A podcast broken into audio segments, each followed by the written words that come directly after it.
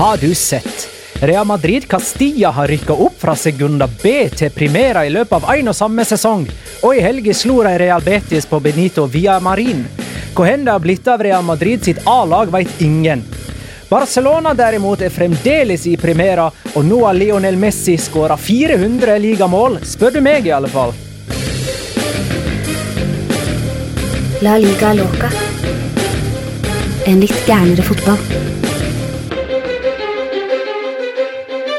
Ja, ja, ja, ja, ja. Dette er La Liga Loca episode 58, i alle fall av det ordinære slaget. Med meg, Magnar Kvalvik. Og så går jeg rett på et lytterspørsmål med en gang, fra Rønnaug Ryhytten. Er Che Guevara tilbake i dag? Savna Jonas Krydder i forrige pod? Det er han, vet du. Yay! Hei, Jonas. Hei, hei. Takk, godt å være tilbake igjen. og Hyggelig med litt, eh, litt annerledes introduksjon. Hva var greia?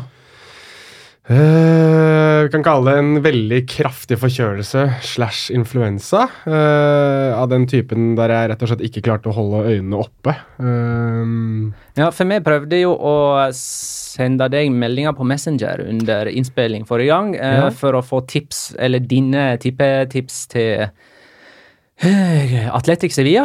Nei. nei, Real Madrid. Real Betis, Real Madrid. Real Madrid. Men jeg fikk aldri vi hørte aldri noe fra deg. Nei, da tror jeg at jeg og Jon Blund hadde en date, jeg. Det var eh, ganske vanskelige 48-72 timer der med hodepine og alt det som kommer med sånn type influensa. Så det var, eh, var en litt vond start på året, men eh, må si jeg begynner å føle meg litt kvikkere og litt klarere igjen for å hyle og skrike i det, det rommet her med dere to. Er Petter Veland med oss i dag? Ikke vær sånn da, Petter. Ja, jeg er Yes, der fikk han. Årets første. Herregud. Er Ja, ja, men Petter er her, og du har ikke vært eh, plaga med influensa på tross av unger som jo gjerne sprer sånne virus.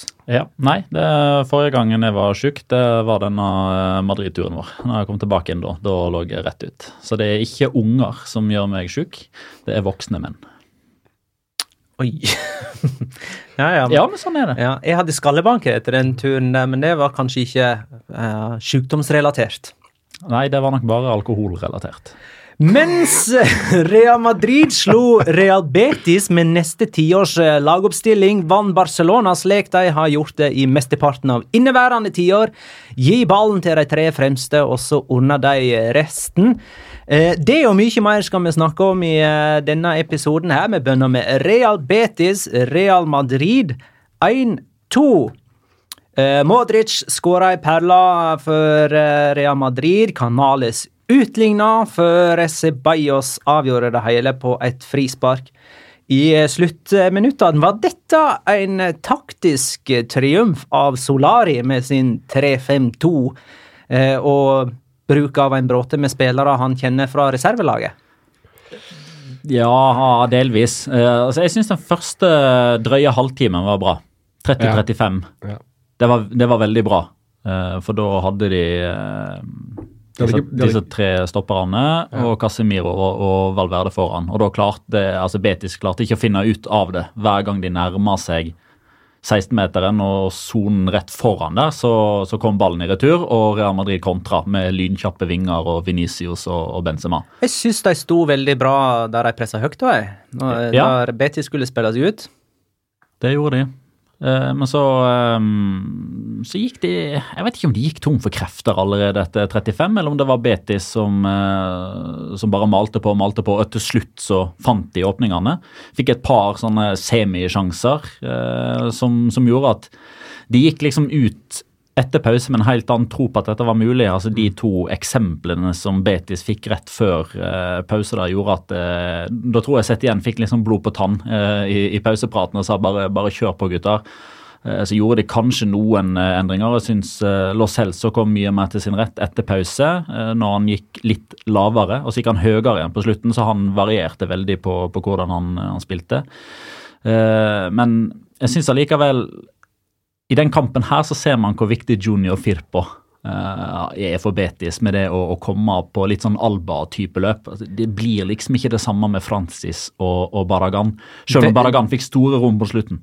Eh, Junior Firpo, altså venstre vingbekken Mm. til eh, eh, Real Betis. Og Francis er vel egentlig høyrekant òg, så Ja. han var utilpass. Det, Ja. det var ganske synlig. Ja, det var veldig synlig hver gang. Altså, Hver gang han faktisk da klarte å komme på disse løpene, så var det veldig sjeldent at innlegget kom på første touchet, fordi det måtte bli slått med venstre. I stedet for så måtte han bruke et hjelpetouch, så legge ballen til rette, og da var jo Carl Hall der. Gaute Brandser spør har Solari mest eh, lyst til å trene Castilla, siden han bare spiller med Castilla-spillere. Uh, her mangler jo eh, Bale, Ascencio, Courtois, Cross, Jorente og Mariano. Var vel òg ute? Ja, og Marcos Jorente. Ja, du sa Jorente. Ja. Ja.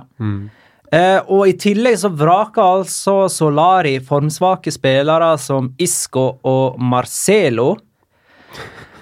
Eh, og, og da begynner det å nærme seg en hel elver av faste spillere som er ute. Og en av grunnene til jeg spurte om dette var en taktisk triumf av Solari, det var at Marka eh, er veldig positive. Så, no, noe av det jeg leser, i alle fall fra Marka. Mens mange mener at dette her var en drittkamp av Real Madrid, og at det bare er rene, skjære flaksen at de vinner. Flaks er det jo ikke, da, men det er jo Det er vel et Real Madrid som forstår at de er begrensa, som forstår at de må gjøre noe for å tilpasse seg motstanderne sine mer enn at motstanderne må tilpasse seg dem. Og det er vel eh, på én måte for de mest hardbarka madridista, madridistene så er det jo en slags fallitterklæring til eget lag og egen tropp, og det at man har den statusen man har på kontinentet, eh, som europamestere tre år på rad, og som det mesterlaget Real Madrid er i, i, i Spania, at de skal måtte dra og begrense seg og endre på seg for, for en uh, mindreverdig motstander, hvis vi kan kalle det litt i hermetegn. Uh, så på den måten så skjønner jeg hvorfor man kanskje himler litt med øynene over dette, men, men jeg synes det er tøft jeg, av, eh, av Solari å, å prøve noe nytt og prøve et nytt system og bruke spillere han selv kjenner til eh, fra ungdomssystem og, og prøve noe som kanskje Lopetegi burde ha prøvd, prøvd litt oftere. da, med Litt yngre spillere, litt yngre krefter, sultne spillere, spillere som har noe å bevise. For det synes jeg man så til gang seg, spesielt med Jeg synes Fede Valverde er kjempegod. Jeg synes han er øh, ekstremt undervurdert, egentlig. Og, og ikke det at han skal være en som skal spille hver eneste kamp for Real Madrid, men, men han er en spiller som er typisk uruguayaner. da, At han gir absolutt alt han har. og du vet at med ham så får du i hvert fall et arbeidsjern og en som kommer til å løpe og løpe og løpe. Og løpe, og det har Madrid manglet i, i, i store deler av denne sesongen, her, mener jeg. Det som gjerne svir litt for Real Madrid-supportere, er vel de 26% med ballbesittelse. Den verste, det laveste ballinnehavet jeg har hatt siden Keva, 2011 mot Barcelona. Ja. Men har, Og- men har det så mye å si? Nei, altså, det, altså når de vinner, så har du ikke en puck å si. Annet enn for kall det feinschmeckere, som ser litt på statistikk og ser bak tallene, og som er vant til at det er Real Madrid som har 74% ball, og dominerer og skaper sjanser og eh, ønsker å spille fotball på en helt annen måte enn det Real Madrid gjorde søndag kveld. Jo, men Real Madrid skal ikke vinne kamper på, med dårlige forutsetninger. Real Madrid skal vinne og, og styre kamper, skal ikke det? Skal ikke Madrid være verdensledende? Jo da, men det kommer litt an på hvordan man ser det. da. Altså Skuddstatistikken vinner du jo 16-8. Ja, jeg- Sjansestatistikken vinner det jo. 26% ballbesittelse og 16 avslutninger. Ja, altså Barcelona hadde 66% ball mot Eibar og hadde åtte skudd. sant? Så det, det kommer an på øyet som ser, og statistikkene brukes til mangt. Altså, jeg satt, eh, jeg satt og hørte på siste episode, og hørte at det var en her som, som mente at han kunne få lov til å bruke engelske begreper siden jeg ikke var her.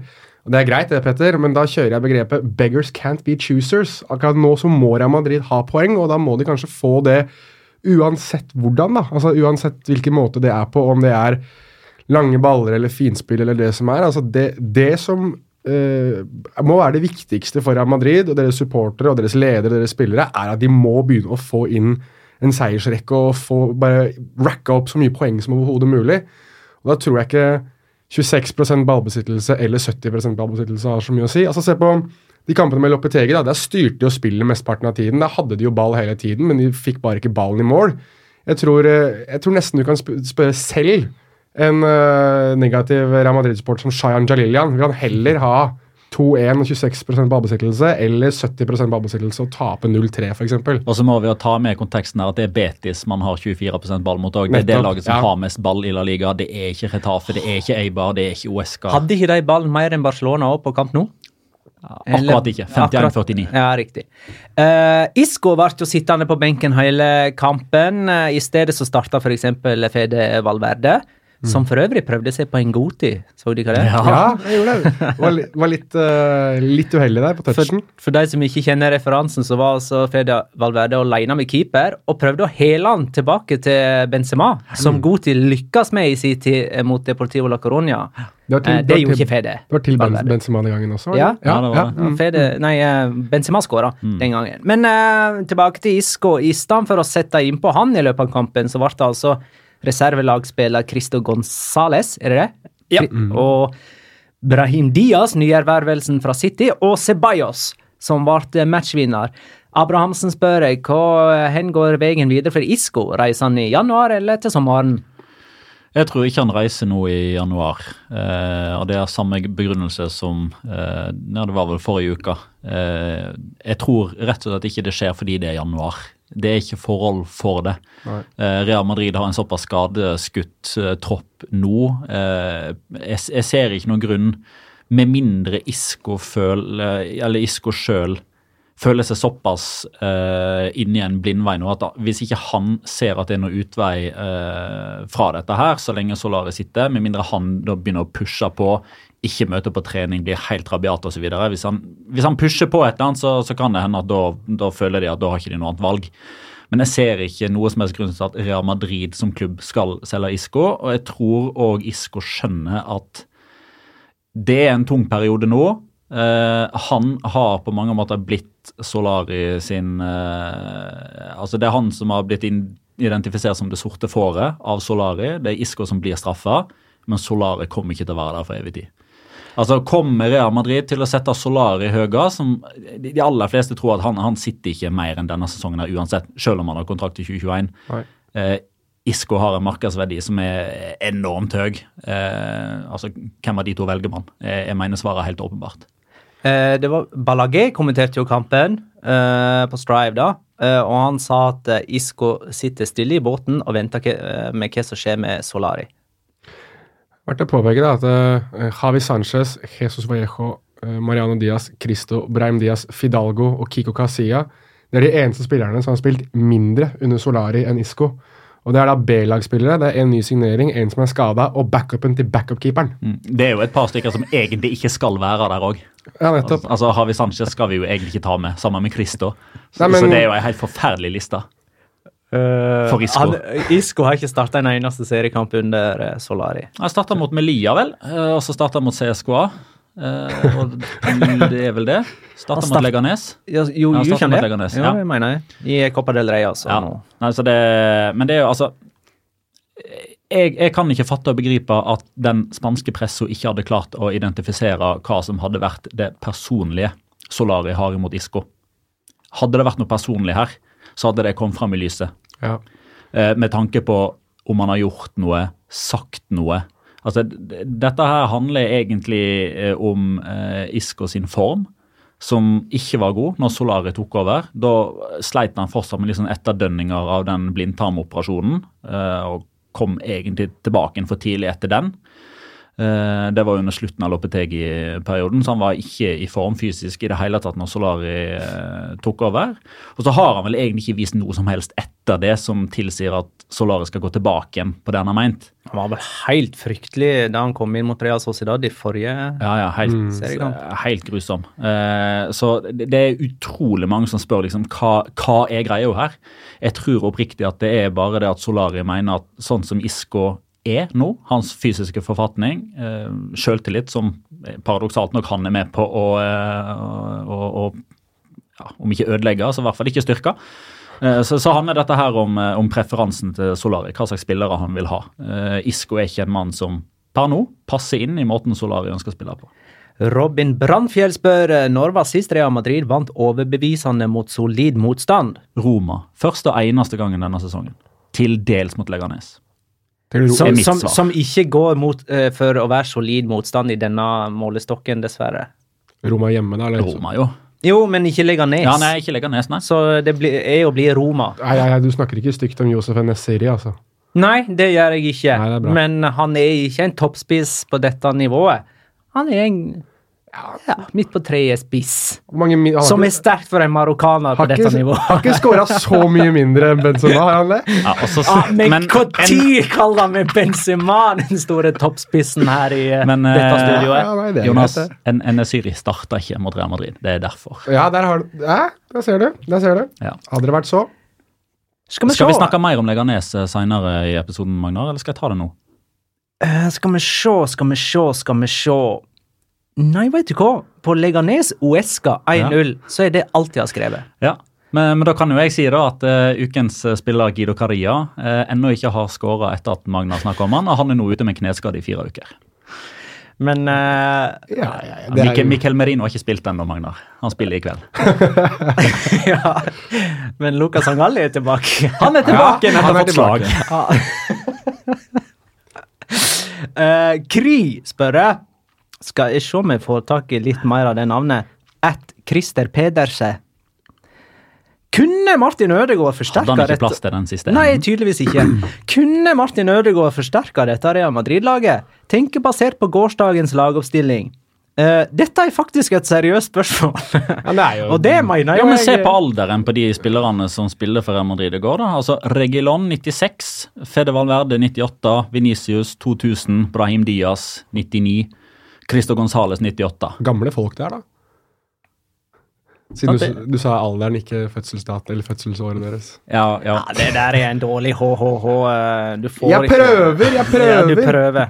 Godt Nei, men, forsøk. Nei, men, eller eh, ja, men jeg er enig, fra, fra spøk til alvor, jeg er enig i at um, altså, Han kunne fint hatt en plass her, i hvert fall. da. Jeg mener, eh, hvorfor ikke hvis, hvis vi er inne i en sånn scenario der Solari skulle ha prøvd uh, ulike ting og Han er jo den treneren i Real Madrid som har fått det meste ut av, ut av Ødegaard. da. Så, og Ødegaard har vist god form i, i Nederland, så jeg, om han skulle starte Det der var nå han skulle ha vært i Real Madrid, vet du. Ja, det altså, han, hadde, han hadde sikkert fått en sjanse, i hvert fall. Fått et par kamper, vil jeg i hvert fall tro. da. Altså, igjen, Nå er Real Madrid litt inne i en sånn situasjon med Solari der de kanskje må kaste alt mulig rart på veggen og se hva som sitter fast til slutt. Altså, er det noe som Hva kommer til å fungere, hva kommer ikke til å fungere? Og Men, men skal, vi se, skal vi tenke Han hadde vel kanskje ikke kommet fram for Fede Valverde, som måtte ha vært mannen han tok i lag startoppstillingen, iallfall, mot Betis. ja, mot Betis det var jo. Valverde, Modric, Casemiro. De tre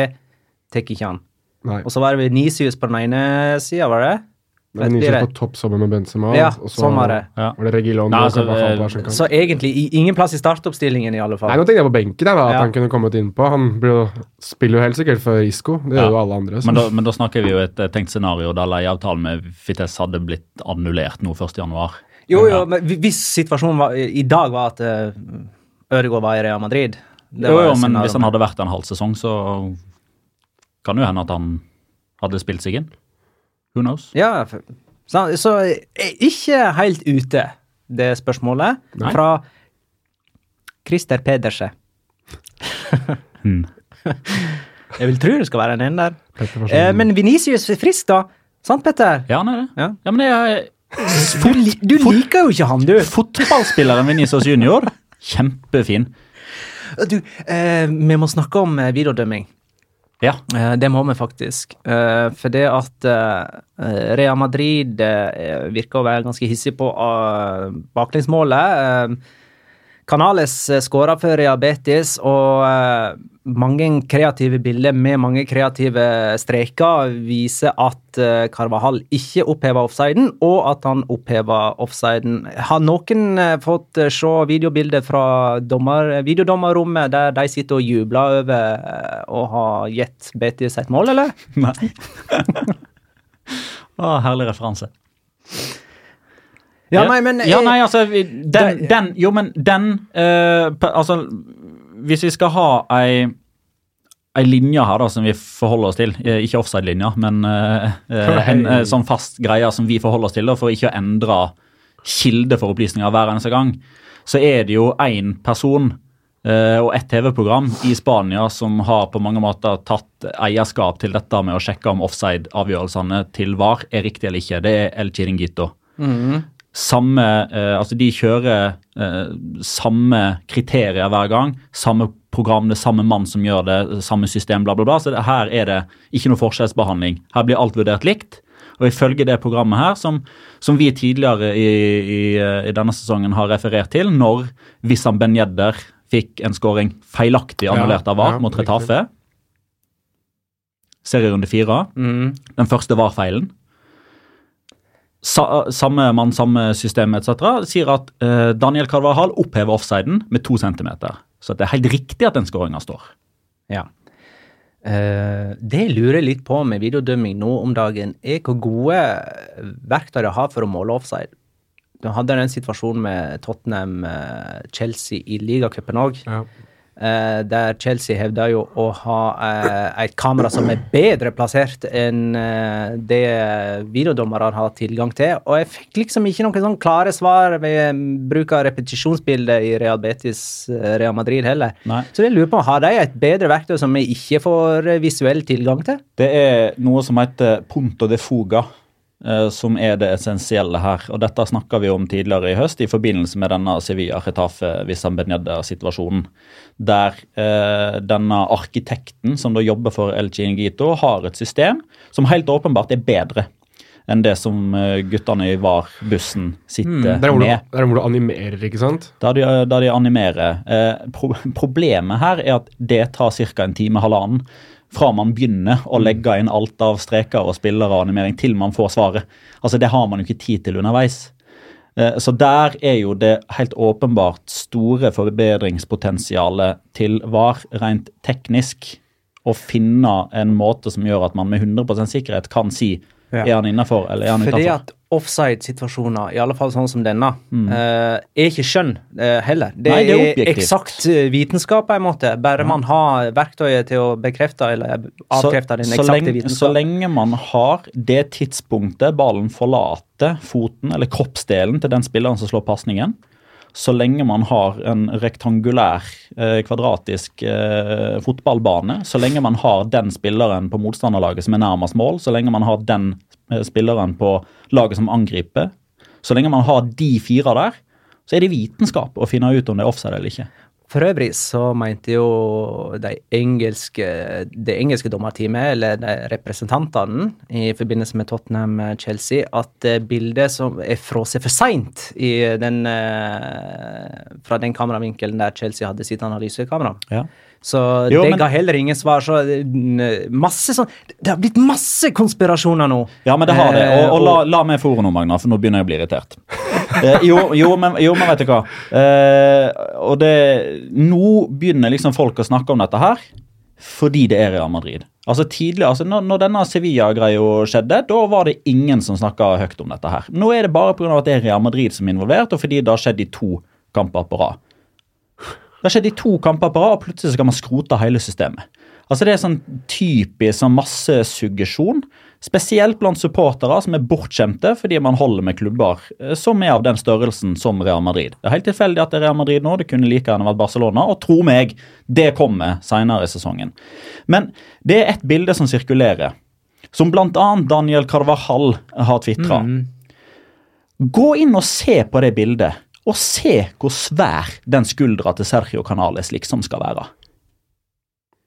Ja, for der Altså, han i, har- på det bildet så opphever Carvahall ikke offsiden. Nei, fordi Sergio Canales plutselig har fått en kleshenger under drakta. Og, og når eh, Gud og hver mann kan ja. publisere bilder som skal liksom bevise det ene eller det andre, så, så får vi utallige versjoner. da. Og dette Eh, tar man for god fisk. seg til. Og dette tar man for god fisk. Hvis, den, hvis det bildet som ligger på Twitter, taler din sak, så poster man det videre uten noe som helst eh, bakgrunnssjekk eller kriterier eller noe som helst. Det er liksom bare Nei, nå skal vi klage på VAR fordi det er inn og det går imot min klubb. Og slutt med det tullet der. Det er en viss vinkel her òg som jeg Ja. Skal ikke snakke for mye om, øh, om akkurat det, men jeg sitter og ser på det bildet du skal fram til. Jeg synes jo Altså det, man bruker jo vinkel da, for å vise til Magnar her. Jeg synes at er, Vinkelen på bildet er også vanskelig for å avgjøre hvorvidt det er offside eller ikke. Men øh, bevares, du skal få lov til å bruke både bilder og det som er for å fremme din egen sak. Men det, det man kan si, da, for å slå et slag litt for uh, The Simpletons her, er jo det at man har snakket om at dette kommer til å ta vekk all form for diskusjon. Det har jo bare skapt mer diskusjon og mer uenighet og mer uh, krangling og Eh, hva skal Ja, jeg si de som noe? brukte det argumentet mot videodømming, har en dårlig sak, altså. Det er mange som har brukt det, altså. Det er ekstremt Ja, mange som har brukt det. Oi, oi, oi. Ja, det er òg mange som bruker dette her med at det er liksom spontaniteten i, i jublinga går bort. Altså, det var 50, altså 54 av 55 000 på Benito Villamarin jubla som besatt da Kanalet satte ballen i mål. Og så ble det stille fordi de ser eh, flagget til assistentdommer. Men der er det jo ikke VAR som fjerner den jubelen. Det er jo assistentdommeren som hadde løfta det flagget uansett om det var eller ikke. Og så går det ett minutt, og så får de faen meg jubla en gang til! Og det var som gir Ja! gir deg muligheten til å juble den andre gangen. Ja. Uh, Kan jeg få ta en ting, jeg også, siden vi er forbanna for ting? du òg kan ta en ting. Så jeg har lyst til å, jeg har lyst til å bli litt sint, jeg også. Fordi Uh, jeg synes jo det er eh, det, Selvfølgelig, da Daniel Ceballos kom innpå, så satt jeg og tenkte det må jo være han som avgjør på en eller annen, en eller annen måte. Uh, og når han setter det frisparket i mål, så, så begynner han å juble, og så kommer han på Å! Nei, vent! Jeg er jo på gamle hjemmebanen min. Jeg har ikke lov til det her! Og skal jeg henda i været liksom, og unnskyld. Altså, Du har forlatt den klubben. Du er ferdig der. Du har gått videre. De har gått videre. Klubben du er med Du har vunnet Champions League. En, en en, en liten korrigering Det er der. ikke noe, det er ikke noe korrigering. Null niks. Betis har ikke gått videre fra det. Nei, okay. Men du, De har måttet bevege seg De har måttet bevege seg videre, de også. Du må kunne gå videre etter noe sånt. Jeg elsker jeg kommer alltid til å si det, jeg elsker David Villa, som jublet og feiret da han skåret for Atletico Madrid mot Barcelona. Feiret som om han hadde vunnet VM, EM, Champions League, OL-gull, alt mulig rart samtidig. Fantastisk. Feire uansett hvem du scorer mot. Du står ikke og beklager at du scora når fansen allerede buer deg ut idet du kommer inn. Ja, nettopp. Å, unnskyld, nei, jeg må, men det er, ikke, det er ikke bare det at han, det er ikke, bare det at han eh, ikke velger å feire. For hadde han skutt ballen i mål og så ikke gjort noen ting til å begynne med, så ok. Men han begynner å feire, og så Nei, vent! Nå må jeg slutte! Nei, altså, vær Det så var, snill, det, var, skrot det, var, det var sikkert VAR sin feil, det Ja, ikke sant? Skrot hele greia. All right, vi skal straks snakke om Barcelona. Barcelona Eibar 3-0. Suárez med to skåringer. Lionel Messi med sin ene skåring fører han opp på 400 ligamål på 435 kamper. Eh, hvor hen, Petter, er det at Marka mener Messi ikke skal krediteres et av de 400? Borte mot Mallorca. Frispark fra Messi. Alexis Sanchez er enten så vidt borti eller ikke borti. Uh, jubler først, og så blir han litt sånn ubekvem etterpå. Og så er det visst en, en samtale i etterkant av de Altså etter jubelen så går de tilbake igjen og spaserer tilbake til egen banehalvdel for å vente på at eh, Mallorca skal ta avspark. Der det er litt sånn Ja, den, den var vel din, egentlig. Bla, bla, bla. Nei, var, var ikke, sa ikke Alexis Sanchez noe sånn som jeg var borti han, men vi gir han til deg? Ja, noe- Fordi ja. at eh, Messi var i direkte konkurranse med Cristiano Ronaldo om toppskårertittelen og sånne ting. Og Marka ga altså ikke det målet til Messi. Nei. Eh, Det gjorde alle andre, stort sett. Ja. Eh, Dermed så står Marka fortsatt på 399. Mm. Du og Petter? 400. Ok. Mr. Chip? 400. Ja, og Pedrito Nei, han, han har 399. Han har Pedrito. 399. Oi, oi, oi. oi. Han er en som er. Der, gjerne der har, altså, Pedrito Numeros versus Mr. Chip er jo òg litt sånn Cristiano Ronaldo mot Lionel Messi. De kniver litt mot hverandre. Ja, ja, nei, det er greit, det. Ja. Uh, nei, men uh, vi går for 400, eller? Eh, han skåra sine første 100 mål på 154 seriekamper. De neste 300 på 281.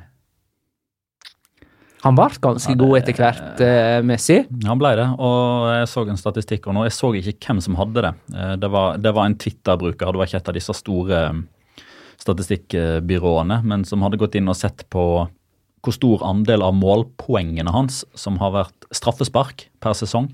Denne sesongen så er det det laveste prosentantallet noensinne som er straffespark. Altså det som man gjerne tidligere kaller litt sånn ja, enkle målpoeng, da, som er fra straffemerket, fordi straffe er lik mål. Nå er det på, det på sitt laveste gjennom alle sesongene han har spilt. Men for Messi sin del så må du legge inn frispark, da, sånn, sånn enkle mål. Ja, for er jo- den prosenten går vel opp. Kanskje, kanskje i antall, eh, men, men altså jeg mener òg at Lionel Messi helt ubestridt er blant verdens beste frisparkskyttere, men vi ser oss litt blind på at vi blir så imponert de gangene han scorer. For prosentsatsen hans den er ikke så veldig imponerende. altså. Han scorer på ca. 10% av frisparkene han tar. Én av ti. Så det er litt sånn overdrevet det der med at eh, frispark er det nye straffespark. Altså kan vi heller snakke om Antoine Griezmann som har skåret på to av fem. Eh, Enis Bardi som har seks av 30. Eh, Ruben Alcaraz som har tre av åtte. Selvfølgelig lavere stat statistisk grunnlag, men per definisjon da, bedre frisparkskyttere. Jo, jo. Seks eh, seire på rad for eh, Barcelona, som eh, møter Leganes hjemme og Girona borte i de neste to seriekampene. Det kan bli bare større og større avstand her nå. Ehm, bør de for øvrig eh, Jeg kan ta det spørsmålet seinere, når jeg tenker meg om. La Leo Locca spørre. Får Coutinho mer tillit nå etter den gode kampen i går? Han spilte jo da sammen med Messi og Suárez i den angrepstrioen der framme. Eh, og det var jo virkelig bare, som jeg sa litt sånn innledningsvis, å gi ballen til de tre, så ordna de det. Rent bortsett fra at Sergi Roberto var involvert i det tredje målet med årets innkast. Ja, kjapt innkast, det. Nei, jeg vet ikke, jeg. Jeg synes øh, Det er et eller annet med Coutinho jeg ikke liker i, i det, den angrepstrioen. Altså det, det kan godt være det at han skal stå og tråkke litt for mye på ballen, og at han bruker litt for lang tid med ball og er litt mer um, kan jeg kalle det ballorientert, da, i det at han må ha mye ball for, for å være effektiv. Altså jeg, jeg synes Dembélé den siste tiden har vært eh, en form for åpenbaring og vært eh, en attraksjon å se på. At han, han virker som han bare har eh, passet inn i det systemet på så Altså han har skjønt rollen sin da, i, i langt større grad, mens jeg tror Coutinho sitt, sitt problem er litt det at han kan ikke være like ballorientert i Barcelona som f.eks. har vært i Liverpool, da, hvor du kunne gi ballen til Coutinho og han skulle skape, for det er jo egentlig Messis rolle i, i, eh, i Barcelona. Så jeg Ja, han var, han var, god, eh, var god mot eh, Eibar og kan, eh, kan være med på det, men sånn over, over det lange løp så skulle jeg egentlig foretrukket å se Dembélé istedenfor ham. Men jeg lurer litt på om ikke han også er et offer for det at det systemet nå i langt større grad ligner litt mer på en 4-4-2 og er litt mer skal kan vi kalle det bredere da, enn det han kanskje hadde foretrukket. Altså, hvis det hadde vært et Hvem da? Coutinho? ja, Mhm. hvis han hadde vært med et 4-3-3-system og han hadde spilt litt dypere i banen, så tror jeg, eh, tror jeg han hadde kommet mer til sin rett, men det blir jo i eh, overkant offensivt. Men, eh, men nei, jeg tror, tror dessverre for, for Coutinho sin del så er han fortsatt bak Dembélé i køen, men er er jo selvfølgelig øh, positivt for, for Valverde, positivt for, for Barcelona hvis han begynner å utfordre ordentlig da, for en posisjon. For meg virker det som at det går litt i bølger for de begge to. At det, det går i ulike bølger. Når Coutinho er litt off, så er Dembélé god, og så motsatt. Sånn at eh, man kan egentlig bare sette den av de, de to som er i best form, sammen med Messi og Suárez. Så ordner det seg. Ja, ja, jeg husker ikke i farten en kamp der jeg etterpå liksom har sittet og tenkt I dag var Coutinho og Dembélé god. Nei, Nei, det- hadde det skjedd? Har de i det hele tatt ikke det De har spilt ikke- spilt sånn. Det var det jeg skulle si, ja. det- er ikke ofte de spiller sammen, er det det? Nei, men det er jo Men, kanskje en eh, grunn til det. Ja. Ja, det, De to grunnene heter Suárez og Messi. Det er jo ganske vanskelig å få Og for så vidt uh, Arthur Melo som Ja, Og litt Arthur Arturo Vidal òg. Ja, for så vidt. Uh, det var vi jo inne på uh, sist gang. Ehm, bør eh, Nå går jeg tilbake til det spørsmålet jeg hadde tenkt å stille. Bør eh, Barcelona rett og slett nedprioritere Copa del Rey eh, denne sesongen? Spør du Carles Puyol, så svarer jeg ja. Ja, for det er vel litt derifra spørsmålet stammer. Mm. at de rett og slett kanskje bare skal ta sjansen på at de avanserer, f.eks. nå mot Levante, med tung uh, rotasjon.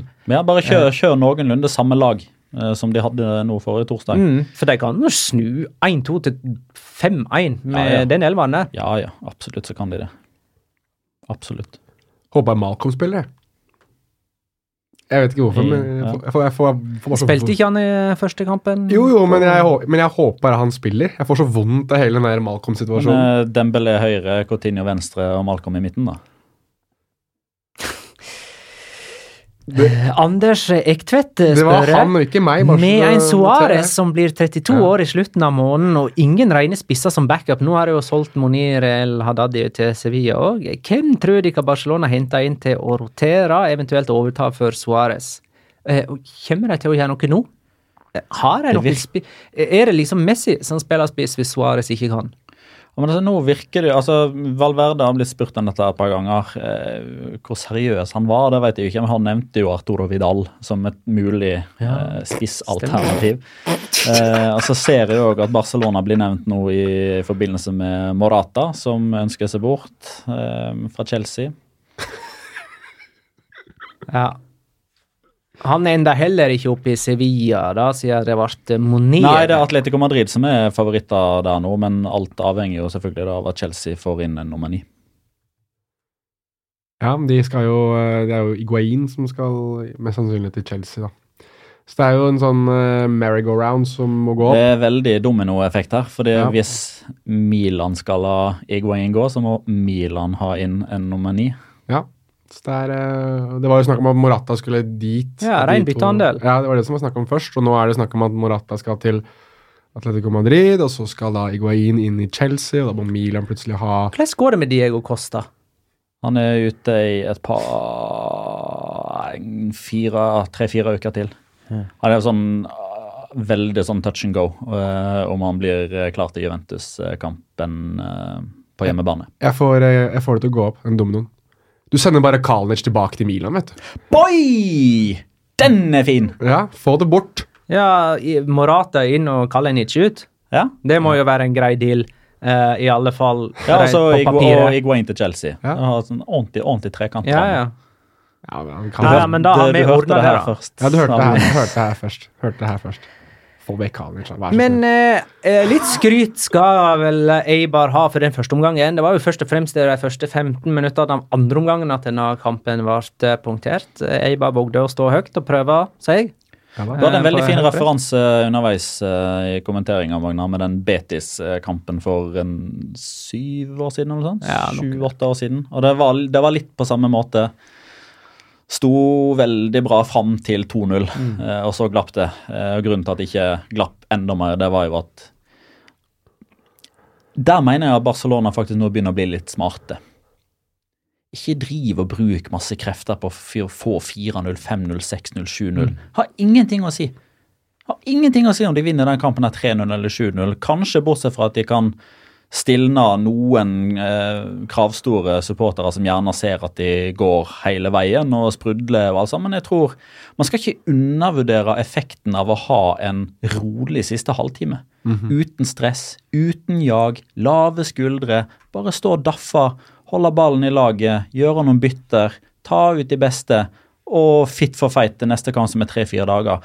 Kontra eksempelvis sånn som Real Madrid, som pådrar seg skade etter skade etter skade. Jeg tror ikke det er tilfeldig at de faller som fluer nå, for de spiller nesten kun jevne fotballkamper som lever hele veien inn. Og jo lenger ut i kampen man blir, jo mer sliten blir man, jo større risikoen for skade. Man er sliten når man går inn i duell, som gjør at man øker risikoen for skade. Jeg tror ikke det er tilfeldig i det hele tatt. jeg. Eibar står uten seier siden de slo Real Madrid 3-0 i slutten av eh, november. Jøss yes, meg. Uh, vi går videre. Atletic Sevilla 2-0. Ja, her er det to ting som skjer, da, som, er, eh, som- fikk meg til å lure på hva gradestokken i helvete var for noe. Det er jo først så um, Inyaki Williams skårer på hjemmebane, og ikke bare én gang, men to ganger. Og Inigo Martine spiller en god fotballkamp. Veldig god fotballkamp. Det er jo helt, uh, helt gal, Mathias. Det var første gangen på to år det at Inyaki Williams uh, skåra hjemme. Det var det. Uh, eh, mer enn det òg. Og så snakker vi mer om han eh, litt seinere. Det kan vi godt gjøre. Er, er det du som har runden spiller? Det er, Er det det? du som har runden spiller. Jeg trodde det var Jonas, ser Det trodde jeg også. Ring, ringene slutta, og jeg begynte. Men uh, Ah. Inyaki Williams sine to perlemål, kandidat til rundens mål begge to. Det var mange kandidater til det for øvrig i denne runden. Uh, men Gaisca Garitano tok over eh, Atletic i desember og har tre seire og to uavgjort på sine fem seriekamper. Så på Gaisca Garitano-tabellen ligger Atletic på tredjeplass uh, med elleve poeng. Bare to poeng bak Atletico og fire poeng bak eh, Barcelona. Betyr det at på Imanol Alguatil-tabellen så har han 100% uttelling? Uh, Alguacil har vel én kamp, har ikke han det? Og én seier. Med, mot Real Madrid. Ja, så, men uh, Barcelona eh, vil jo òg være høyt oppe på den tabellen, da. Ja. Uh, det samme vil Atletico Madrid, som òg har én kamp siden han tok over. Eller ja, det blir jo forrige serierunde. Jeg syns Garitano-tabellen var veldig bra. Jeg, da. Ja. Jeg likte. Eh, og, og i Atletic, bare for å ha sagt det, de har bare kule kamper framover. De hadde jo Sevilla nå, eh, og så har de Via Real borte i neste. Ja. Eh, og ja. Eh, Real Betis deretter hjemme.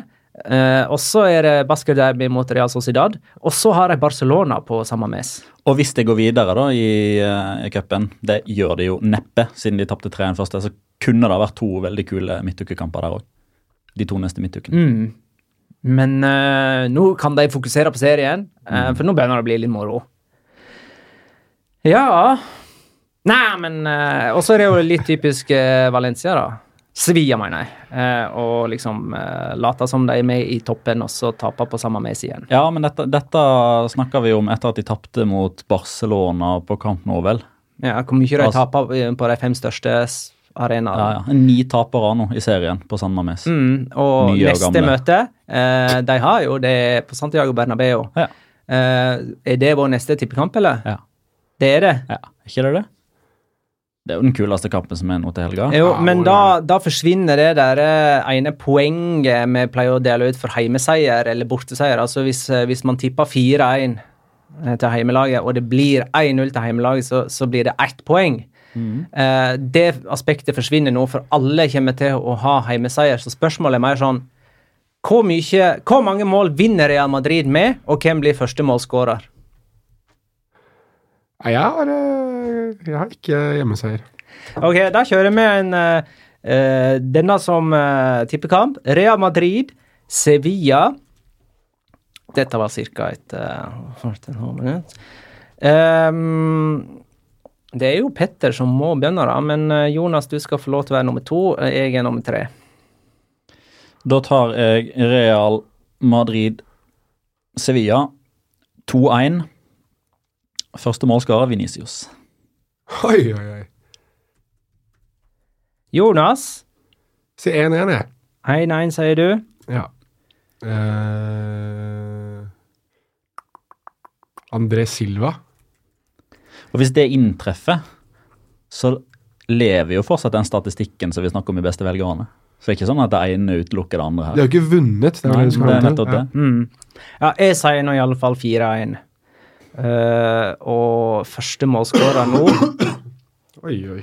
det, det, det er sånn åh, det, det som er typisk Sevilla, er at sånne som Casemiro plutselig uh, skårer. Casemiro blir uh, første målskårer. Ja, ja, gratulerer med å rykke fra enda en runde, da, Petter. Det blir bra.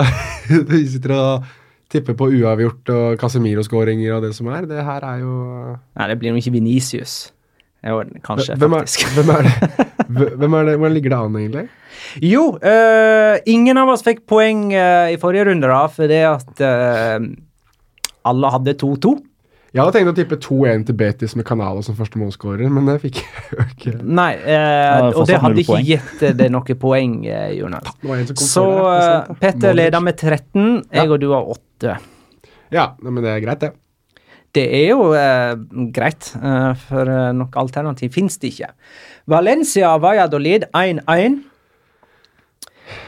Parejo førte Valencia i ledelsen. Eh, Ruben Alcaraz uh, utligna med det eneste skuddet jeg tror Valladolid hadde, i alle fall på mål. Ja. Og det var jo i tillegg ei perle på frispark. Eh, Valencia holder fram med å sanke poeng. Nå har de elleve uavgjort.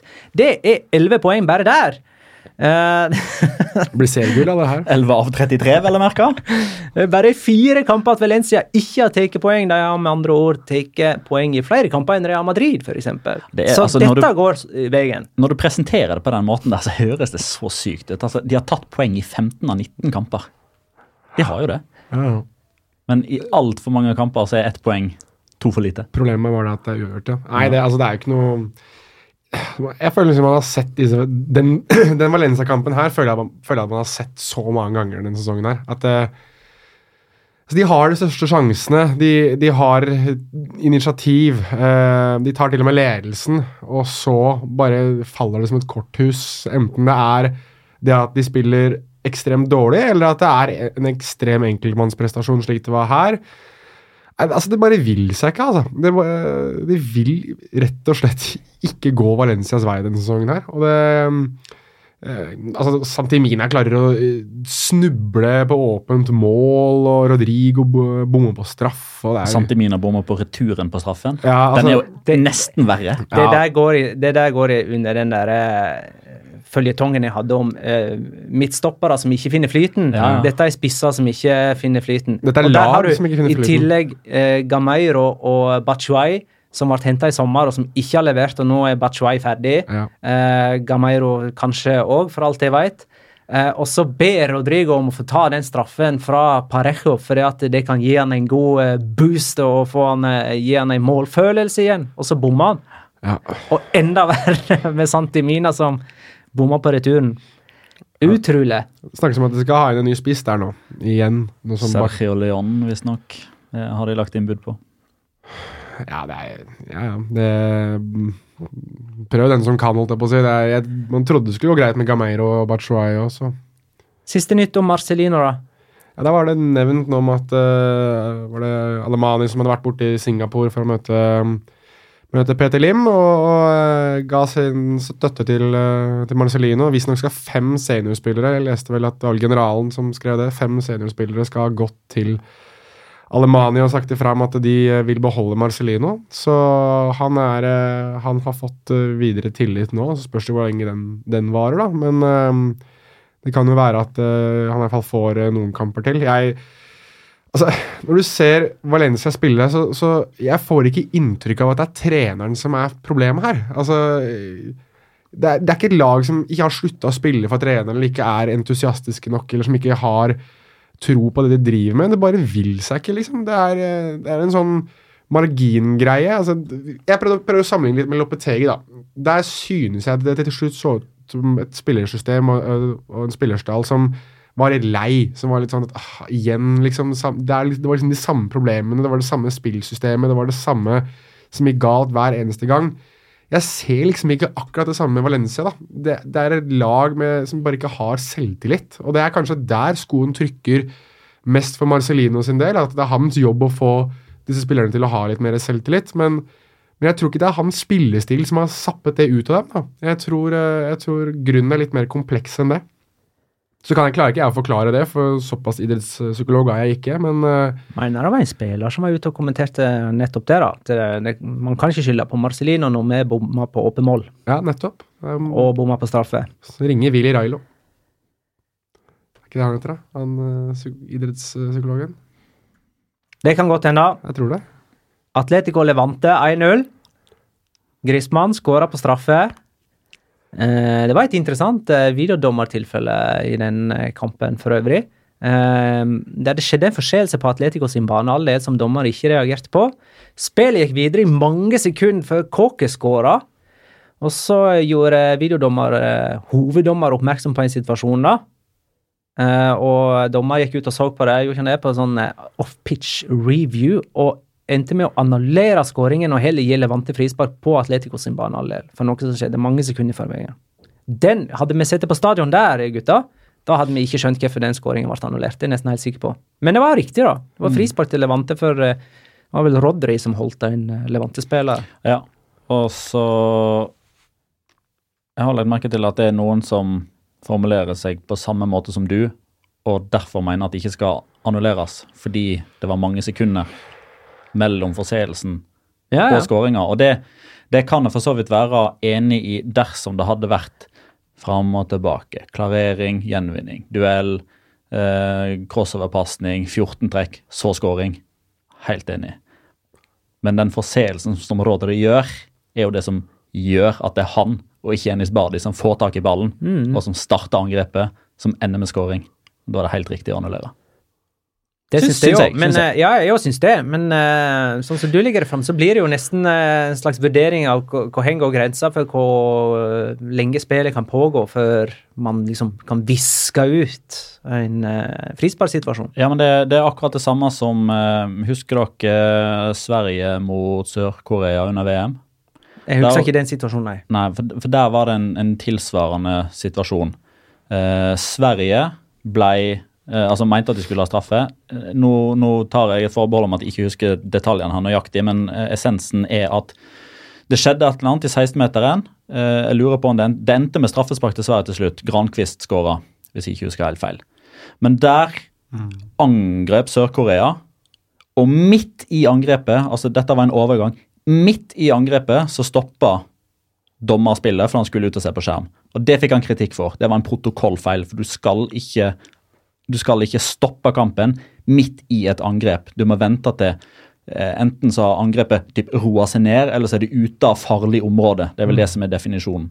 Og da har det per definisjon ikke noe å si om det er to sekunder, om det er ti sekunder eller 30 sekunder. Det er ikke det man skal gå etter. Det er om, man, om angrepet er ferdig og avslutta, eller om ballen er utenfor farlig område. Altså, jeg, jeg, vi snakker veldig mye om VAR her nå, denne episoden her. Da føler jeg at det er på tide å ta opp det jeg føler er en, er en vital feil med VAR, sånn som dere er inne på her nå, med hvordan man kan vite om det skal tas opp på nytt, eller, eller hvordan det er. Og jeg, jeg sittet mye og sett på NFL nå denne helga her, eh, for jeg har en, en roomie som har blitt veldig nyfrelst NFL-fan.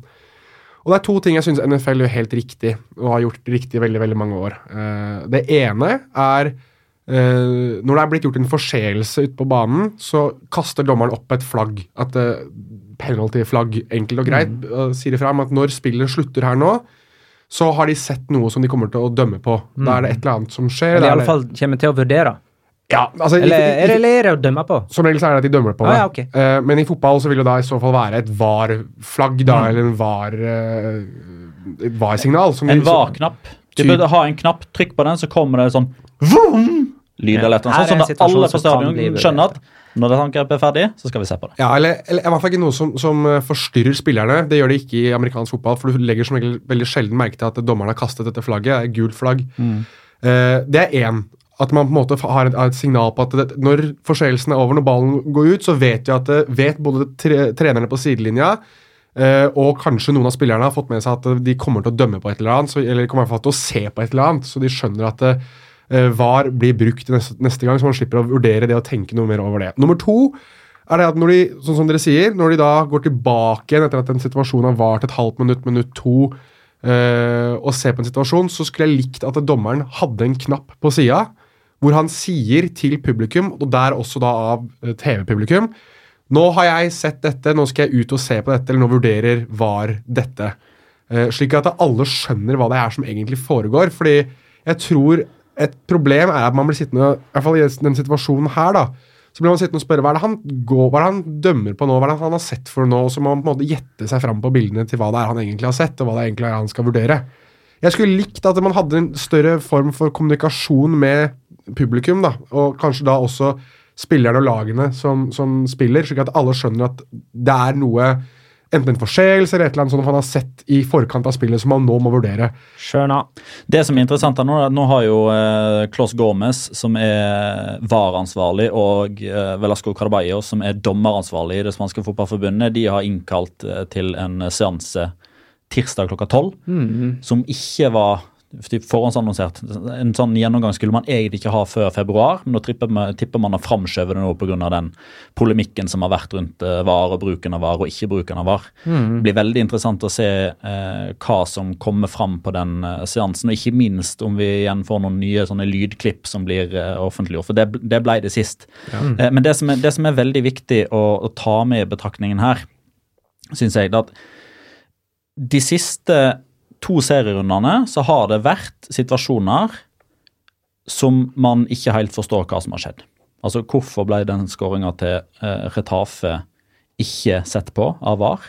Eh, eller hvorfor valgte man ikke å gripe inn der? Den skåringa til Jaime Mata mot Barcelona som ble annullert for ingenting.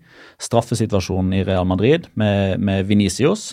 Og det straffesparket som Retafe etter alle solemerker burde ha fått borte mot Atletic det folk glemmer her, når de bruker disse eksemplene på at VAR ikke fungerer og at det ikke har noe i fotballen å gjøre, de glemmer jo at hvis det ikke hadde vært VAR, så hadde det ikke endra noe som helst. Da hadde man bare klaga på dommeren i stedet. Det er ikke VAR som har vært inne og endra på noe som helst. det er bare at Man, man har ikke endra det man sannsynligvis burde ha endra. Og det, der, og det, det er liksom ikke her jeg helt kommer Jeg kommer liksom ikke helt inn på disse VAR-kritikerne. Fordi det virker på meg som at de, de griper etter ethvert halmstrå nå for å kritisere VAR, og så glemmer de at ja, men fjern VAR, da. Det er greit, det. Men da hadde du bare klaga på dommeren i stedet. Det endrer absolutt ingenting. Real Madrid hadde ikke fått straffespark hjemme mot Real Sociedad uten VAR. Mm. De hadde ikke det. Nei, og, på, og, og på grunn av disse eh, tre situasjonene her nå, som helt absolutt, absolutt er diskuterbare, som kunne vært løst bedre, som forhåpentligvis ender med at systemet, protokollen, kriteriene for hva blir enda tydeligere og bedre. Av de tre tingene der, så glemmer man de 58 gode Altså, vurderingene som har blitt gjort av VAR. Det jeg mener 30 skåringer, 18 straffespark. Den er god. Eh, siden vi fortsatt egentlig er på Atletico Madrid. Eh, Alexander Larsen påpeker at det er kun fjerde gang eh, denne sesongen at alle de tre store, hvis vi regner de tre store som Atletico, Real Madrid og Barcelona, vinner i en og samme serierunde. Og nå Ja. har vi altså spilt eh, 19 serierunder. Ja. Det er ganske bra. Uh, skal gå din til Inter. Hvis ikke Atletico Madrid tilbyr han mer enn dette ene året, så virker det som at uh, Godin da i alle fall pakker kofferten. Og da virker det som at Inter er i pole position. Mhm. Allerede nå, eller? I Nei, i januar. I, til sommeren? Nei, ja, til, til Ja. sommeren. Nå måtte jo Savic ut med skade. De sliter jo med skader der bak. da. Hvordan går det med Lucas Hernandez? Han uh, var i en 19-mannstropp, uh, så ble han testa på, på, på morgenen og ble sendt på tribunen. Men uh, han er aktuell for spill nå mot Girona i cupen. Der har du enda en da, som eh, potensielt sett eh, Ja, det- kan forsvinne. Og det er jo For Juan Fran spilte jo venstreback nå. Ja, altså det blir jo litt interessant nå, for Juan Fran er vel også på utgående kontrakt, hvis jeg ikke husker helt feil. Og da har du Filipe Louise, Diego Godin og Filippe Louise også er på utgående kontrakt. Ja da, jeg sa det. Jeg skulle fram til han også. Filipe Luis, Juan Fran Godin på utgående, og Lucas Hernandez, som er Det ryktes at skal vekk. Har du fire uh, spillere som i, i varierende grad har vært sentrale i det forsvaret til Atletico Madrid, som kanskje alle forsvinner. Så det er uh, kan fort bli en sånn slags revolusjon i, i de bakre rekker der. Og det er jo litt interessant, fordi det er, det er jo det mye Atletico Madrid har bygd sin suksess på. Å ha et forsvar som er såpass solid. Og jeg vil jo tro at Lucas Hernandez var den som man kanskje skulle bygge rundt nå, da, til, til sommeren igjen. Men eh, kan se ut at han forsvinner. For, for øvrig så meldes det nå, eh, mens vi er inne på denne her eh, dominoeffekten, så meldes det av Di Marcio om at uh, Milan har åpnet kontakt, som de sier, opened contact med Genoa for Kristoff Pjontek, som er den store spissen i Italia-sesongen. Han har vel noen sånn latterlige statistikker for uh, Genoa denne sesongen her. Polsk, uh, polsk spiss. Så de skal ikke ha Kalinic, er det det du prøver å si? Ja, det ser ut som at eh, den dominoen kan fort gå ut, da. Men det blir jo fortsatt en slags domino. Har vært avvist før vi i det hele tatt eh, Jeg lever i håpet, Magnar. Jeg lever i eh, håpet. Offentlig. Greit. Eh, runden sånn eh, for øvrig. Leganes Uesca 1-0, og det er altså alt jeg har notert der. Viareal Chetaffe 1-2. Det er alt du har notert der. Alle mål kom i andre omgang. Getafe gikk opp i 2-1 i det 89. minutt, og siden kom ikke Villarreal noen nærmere utligning enn tre stolpetreff og en straffebom. Altså, Den avslutninga der, den er jo helt spinnvill. Altså, det må jeg bare få Altså, visste du Jeg satt og sa når Ekambi skulle ta det straffesparket Å, han bommer. Ja, men Hvorfor tok Ekambi den straffen? Nei, det er antageligvis det samme som Rodrigo, da. Hadde vi lyst til å skåre mål? altså, Luis Garcia Plaza han, han var ikke så sinna som Claudio Ranieri var eh, når Camara Ja. bomma, stjal og bomma straffe her. Trua på Eh, men eh, han var veldig klar og tydelig på at eh, vi har en enighet, enighet om at disse straffesparkene tar Santi Casola når han er på banen. Eh, tar ikke han eh, straffesparkene, så tar Gerard Moreno de. Eh, men plutselig så er det Ekambi som tar straffen etter at han sjøl framprovoserte straffen ved å bli sparka i hodet. God idé, be. Svimmel, veit du. Eh, Villarreal, da. Nek Ambi. Villarreal fremdeles uten seier under Luis Garcia Plaza. Tre uavgjort Det er feil. i, eh, i serien. Ja, men De har jo vunnet mot Lokomotiv Moskva, gått, nei, Spartak Moskva har gått videre i Europaligaen. Ja. Ja. Seier det, Magnar. Eh, og, Ta det du får her. ja, ta alt det de får. Det ligger over Uesca og Ja, Ta- ta- Uesca. Ta det man får der, altså. Girona Alaves 1-1. Stuani av typen Christian med random H uh, skåra sitt tolvte La Liga-mål med et uh, brassespark. Med skeiva. Med skeiva. Heiva. Skeiva. Lukas Leiva. Skeiva. Ja, nei, eh, Perle enda en uh, rundens målkandidat. Det må sies, da. Han, altså, det, det er det, er det Kall det det lateste brassesparket jeg har sett i mitt liv. For Ja, okay. Prestasjonen er bra, Ja. men det var ikke det mest sånn estetisk vakre brassespark man har sett. Nei. Det er greit. Men det var åttende gang han skåra kampens første mål. Som forrige sesong. Han og William han er helt rå på det der, altså. Ja, William Chassé gjorde det samme forrige helg nå når han sendte Real Sociedad i ledelse mot Real Madrid. De to og Mario Mandzukic, det er de Når som folk har hørt eh, denne podkasten her, så har han jo sikkert sendt Real Sociedad i ledelse mot Español òg. mm.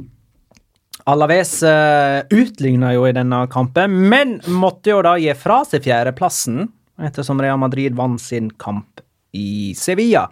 Rayo Vallecano Celta Vigo 4-2. Sånn starta denne serierunden en eh, herlig fredagskveld. Raúl de Tomàs skåra hat trick for eh, Rayo. Han har skåra åtte mål for Rayo på lån fra Real Madrid. Hadde han vært Real Madrid-spiller nå, hadde han vært toppskårer med det antallet. Ja, det stemmer det. Og det var jo Han kunne fort hatt uh, fem-seks nesten òg. Altså, det var i hvert fall én eh, voldsom sjanse da Ogo Mayo nærmest legger ballen på sølvfatet. Ja, han skal jo strengt tatt bare banke den i mål. Så han har fått uh, Han er faktisk den eneste spilleren som har fått to skåringer annullert uh, av Ja. Som ikke har noe med offside å gjøre. Det er for en hens og for en trøyeholding. Skal jeg si det sånn Så f han fikk ikke han en offside Jo, han fikk en offside-skåring no. denne kampen mot Celta. Ja, som ble annullert. Og så godkjent. Og så etterpå godkjent eh, altså en ny situasjon Ja. som To annullerte skåringer der den ene ble omgjort. For øvrig en sånn dum fun fact som jeg fant ut uh, i litt sånn researching her. At han er også fra Den dominikanske republikk. Nei! Jo, han Nei, det kan ikke stemme. moren hans er dominikaner. Ja, stemmer det. Så, så Jo, men han er ikke født der. Nei. Nei. Nei, men, Men- det, for det er Junior Firpo. Ja, men da har du jo da eh, Og Mariano Diaz. Da har du Ja, men OK, Junior var først. Den første eh, født i, på, Ja. fra, på Den dominikanske republikk Som skåra mål. som spilte en La Liga-kamp. Ja, og skåra mål. Ja, mål, ja, det er fair, men jeg bare påpeker at det er, når det er tre dominikanere, det er et ganske lite land. altså Santo Domingo er vel strengt tatt det som er å snakke om i, eh, Dominikan, eller på Den dominikanske republikk. Jeg vet ikke om det er i eller på engang der, men uh, da har du tre stykker der. Så hvis de skal uh, fremme seg et landslag på et tidspunkt, så Jeg eh, pleier å få kritikk for mine lookalikes-forslag. Uh, Her kommer en til. Ja. ja, Jeg tror jeg vet hvem du skal fram til. Hvis, Er- er det Raoul? de- Raoul de Tomas Jeg vet- òg. ja, der har jeg en òg. Ok. Skal vi ta det på likt? Nei, du får ta det først. Simen Stamse Møller. Ja! Yes! OK. High five. Eh, det Yes! Vi alle helt, Endelig litt anerkjennelse. helt samme. Nei, vet ikke. Raoul de Thomas ligner på hun vesle jenta i Jeg er automatisk helt enig. Hun jenta i Waterworld. Nei, Den har jeg jo selvfølgelig ikke sett. Nei, dere har ikke sett Waterworld. Selvfølgelig. Uh, ja, fra 1995. Hva heter, eh, heter Vet du hva jenta heter? Nei, det husker ikke jeg, men Kevin Costner spiller hovedrollen. Hjelper det? Nei. Det er jo bare å eh, ta IMDb og Waterworld. Ja, jeg ser hvor du skal hen. Jeg ser hvor du skal hen. Jeg kan eh, Eh, og, og, ligner ligner Ja. faktisk enda mer i voksen alder, for det der er jo over 20 år siden.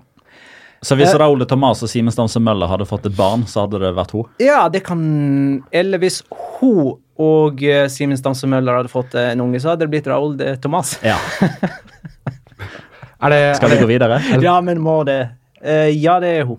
Ja. Um, Vi sitter og ser på bilder da av uh, Hun heter Hun har vel vokst uh, Raúl de Tomàs uh, fra seg. Tina Ma Majorino. Majorino. Ja, det stemmer sikkert. Uh, Real Sociedad Español eh, Nei, eh, for øvrig. Rayo har vunnet tre seriekamper på rad, det må ikke vi glemme. Og Celta Vigo har tapt tre på rad. Uh, så eh, de to er begge i nedrykksstriden, med Rayo på vei opp, Celta på vei ned. Real Sociedad Español spiller klokka 21. Det er ca. en time fra når vi sitter i studio og snakker om dette. Eh, Real Sociedad slo jo Real Madrid i forrige seriekamp, men det var borte. Og alt eh, virka mye enklere på bortebane enn hjemmebane for La Real, som bare har slega Celta Vigo hjemme. Da er det på tide med rundens spiller, og så vidt jeg har skjønt nå, så er det altså Petter eh, som skal ha den. Ja. Um, jeg har iallfall forberedt det, så det vil jeg gjerne gjøre det, Jonas. Ja, jeg er jo forberedt, jeg òg, men eh, du, du kjører, du. Ok. Hvordan kan du spille for de? Det er et simpelt spørsmål med, heldigvis, et enkelt svar. Jeg kan det fordi jeg er født og oppvokst her. Det sitter en skoleklasse med store øyne og spisse ører i Amorebieta i Baskaland. Foran de står to La Liga-spillere. Iker Monjain er den ene. Den, and den andre er den eneste mørkhudede målskåreren i sin klubbs historie. Og hans klubb har en av de mest omtalte, tradisjonsrike og blant noen omstridte policyen i fotballens historie. De bruker nemlig kun spillere som er født og oppvokst i Baskaland. Til nøds er det greit om man, citat, har lært sin fotball i Baskaland, slutt. Dette er en av børene han har båret på i løpet av livet sitt. Spørsmålet om tilhørighet i et liv med de vanlige utfordringene med skole, idrett, familie, venner, penger og alt som hører med, men det som kanskje har tynga mest, det er ansvaret han har fått i arbeidslivet. Et liv mange vil misunne, et liv mange vil ha bytta mot sitt eget, et liv i fotballen. Og det å spille for Atletic, det er ikke bare bare. Det gir et ansvar utenfor fotballen. Det handler om samfunnsdebatt, politikk, tilhørighet, stolthet, lidenskap. Men viktigst av alt så er ansvaret på banen. Og han har ansvaret for å skåre mål. Fra Ismael Orsais via Fernando Llorente og fram til Aditza Doris. Atletic har alltid hatt en storskårer. Og fellesnevneren for disse tre kraftspissene, det er, ja, kraft. Kraft i form av å kunne ta enhver motspiller i en duell, krumme nakken og hedde inn den ene skåringen etter den andre. Og kraft, det har vår venn òg, men ikke i nakken. Han har den i beina. Han springer fortere enn alle andre, og på søndag mot Sevilla sprang han som om avgrunnen forsvant bak han, som om det siste toget noensinne var på vei ut fra perrongen, som om fanden sjøl var i hælene på han. Og han gjorde noe han ikke hadde klart å gjøre siden 4. desember 2016. Det er mer enn to år og to sesonger siden. 41 kamper. 770 dager. I mellomtida så hadde han klart dette 15 ganger på andre fotballstadioner rundt om i La Liga-landskapet, og dermed satt en rekord i den spanske toppdivisjonen. Å skåre mål, det er noe helt spesielt for enhver fotballspiller. Og det å skåre mål for en egne supportere gjør det ekstra spesielt. Å skåre mål som spiss foran egne supportere for første gang på 770 dager gjør det helt spesielt. Og ukas spiller han er spesiell av mange årsaker. Og ukas spiller, det er Injake Williams. Mål nummer to. Wow. Eh, eh, den eh, Hva er det Gomez som blir runda med den første touchen, og seinere sprunget ifra, selv om han har ti meters forsprang. Yes. Oi, oi, oi. Det er litt gøy de hadde ulik uh, rundens spiller, da. Hva du hadde da? Raúl de Tomàs? Det hadde jeg. Ja. Eh, Det var det jeg i utgangspunktet trodde det kom til å bli. Ja, nei, jeg, Men eh, da, vet, da, vet, da kan man i hvert fall si at han er nevnt i, i forbindelse med rundens ja, spiller. en kandidat. Han var en kandidat. Da er det Locora! Ukens La Liga Locora. La Liga Locora. Er det noen som har lyst til å begynne? Ja! Fordi jeg er drittlei av at eh, jeg, jeg pleier å si at å, jeg forventa at noen skulle ta den før meg, så nå tar jeg den første for å bli ferdig med det. Og jeg får ta uh, min landsmann, Yasin Bono. For han uh, står for uh, det som både er litt locora, men også for meg eh, nesten litt sånn rundens prestasjon. Eh, for han får en litt vanskelig ball tilbake, jeg husker ikke hvem det er, så er førstetouchen veldig dårlig, og Jonathan Caleri er i hælene på han. Og så bare kjører han en elegant Hvilken kamp er vi i nå? Unnskyld. Uh, Girona mot Alaves. Girona Alaves. Ja. Og uh, idet Kaleri ser ut til å være litt i hælene på han, og kanskje kunne skape litt press, så kjører da Yasim Bono en uh, Zidane-rulett ut av situasjonen med, med Kaleri. Så det, det var gøy å se at det var litt uh, litt fløyelsmyke egenskaper hos den marokkanske keeper, som for øvrig fortsatt er andrekeeper for Marokko. Gudene vet hvorfor. Det er Monir, Malaga-keeperen, som uh, førstekeeper uh, fortsatt for uh, Nart, men uh, kan ikke ta lang tid når du holder på med slike fantastiske detaljer at han tar førstekeepertrøya til Marokko også. Eh, Petter klar? Eh, Ja, eh, jeg kan ta det. Vi, vi kommer jo ofte innom det tidligere i, eh, i podden fordi det har vært så sykt. Det hadde vært ganske, ganske utrolig om vi ikke streifa innom dette her når vi snakka kort om det i stad. Men eh, det er sluttminuttene av uh, Villarreal Retafe. For det er noe av det sykeste jeg har sett. Ikke bare i La Liga, men av all fotball jeg har sett noensinne. Eh, de slipper altså, altså Retafe tar ledelsen 2-1 etter 88-05. Etter 89-40 så treffer Mario Gaspar tverrleggeren. To sekunder etterpå så treffer Ramiro Fones Mori tverrleggeren. Ett sekund etter det så redder Bruno Gonzales på strek. 90-09, altså 26 sekunder etter det igjen, så treffer Ekambi straffe. Ett sekund etter det så får vi Real straffespark. Han treffer, Ekambi treffer Treffer stanga. Treffer stang. Ja. Eh, og så får han straffespark sekundet etterpå, for han blir sparka i ansiktet av Angel Rodriguez. Og så tar det 1 minutt og 40 sekunder fram til da Ekambi, som har blitt sparka i hodet, som ikke skal ta straffen i utgangspunktet. Han tar den, eh, og han setter den eh, to centimeter over eh, tverrleggeren. Så ja, helt vill avslutning på den kampen her. Um, eh, min lokora går til Sevilla. For jeg har begynt å spørre meg i det siste om det finnes noen klubb i Spania, eller for så vidt i hele verden, man kan bruke ordet typisk om, mer enn Sevilla.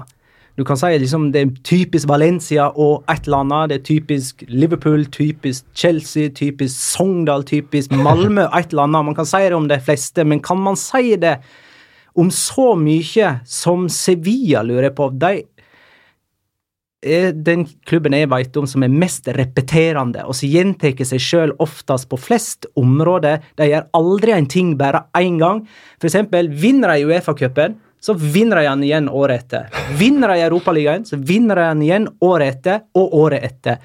Kjøper de en spiller billig og selger han dyrt, så gjør de det, samme med den neste spilleren og den neste spilleren, og selger de sin aller beste spiller til Barcelona, så selger de alle sine aller beste spillere til Barcelona. Og en gang i tiden så tapte de på samme mes, og bestemte seg for å gjøre det neste år og neste år og neste år, og det samme med Santiago Bernabeu og Camp Nou og Mestalla og Vicente Calderón og Wanda Metropolitano. Og reiser de til Samames og møter en spiller som ikke har skåra på heimebane på to år, ja, så slipper sjølsagt Sevilla inn det målet til Inyaki Williams. Ikke bare én gang, men de gjentar det og gjør det én gang til. Ja, ja. Jeg kommer ikke på flere ting i farten, men da har jeg glemt noe. Jo, for eksempel, hei, vi slo Real Madrid på hjemmebane i år. Vi gjør det neste år og neste år og neste år og neste år. Fire år på rad, har ikke det det? Jo. Ansetter eh, en utskjelt argentiner, og så forsvinner han, og så ansetter en utskjelt argentiner til. Det klarte jo med Berizzo, eller San Paolo Berizzo. Ingenting er mer typisk enn typisk Sevilla. Jeg tror vi runder av der, jeg. Ja, Jeg må få lov til å følge opp på Jinxo-masteren. Thomas Annonsero har gjort det igjen. Ja, OK. Du eh, har to lokoras i dag. Er dette Nei, det er ikke noe sånn- ja, Dette- dette har blitt dette- dette- jo. Ja, jeg har, all, jeg, har allerede, jeg har allerede funnet ut hvem som er neste offer. Uh, for 7. januar, eh, altså forrige mandag Kan jeg få skyte inn bare veldig kjapt? Dette må vi gjøre til en sånn greie snart. Altså, Nå må vi snart gjøre det til et eget segment i løpet av podcasten. Når han holder på sånn som her. Ja, ja, det, det er mer der det kommer fra. Eh, mandag 7. januar. eh, Porto slår Nacional med 3-1.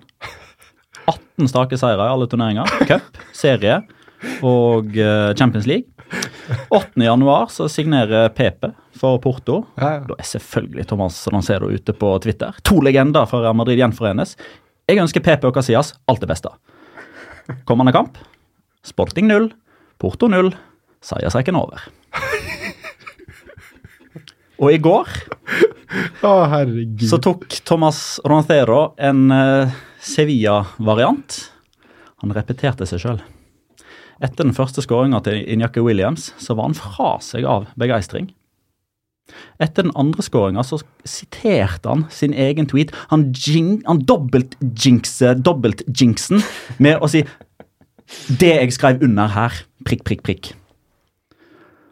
Altså, Injaki Williams kommer til å bli så skada. Eller, så- Eller, ellers så skårer eller han han ikke mer igjen. Noensinne. Altså, Injaki Williams han har spilt 100 seriekamper på rad for Atletic. 100 seriekamper! Det tar ikke lang tid før han blir skada nå, altså. Bare, bare så det er sagt. Serierunde nummer eh, 20 blir sparka i gang på fredag kveld klokka 21 mellom Getafe og Deportivo Alaves. Eh, Real Madrid-Sevilla går lørdag klokka 16.15. En annen kamp som er hyperinteressant den da kvelden, er Celta Vigo-Valencia klokka 20.45. Er det noen andre? Ja, Villarreal Atletic, det nevnte jeg. Søndag klokka 16.15. Den er òg verdt å få med seg. Barcelona spiller søndag 20.45 mot Leganes. Eh, og så er det en bråte anna moro òg. Det var moro. Mm. Tusen takk for alle innspill og spørsmål og tilbakemeldinger, kjære lytter. Tusen takk for at du lytta, kjære lytter. Ha det, da.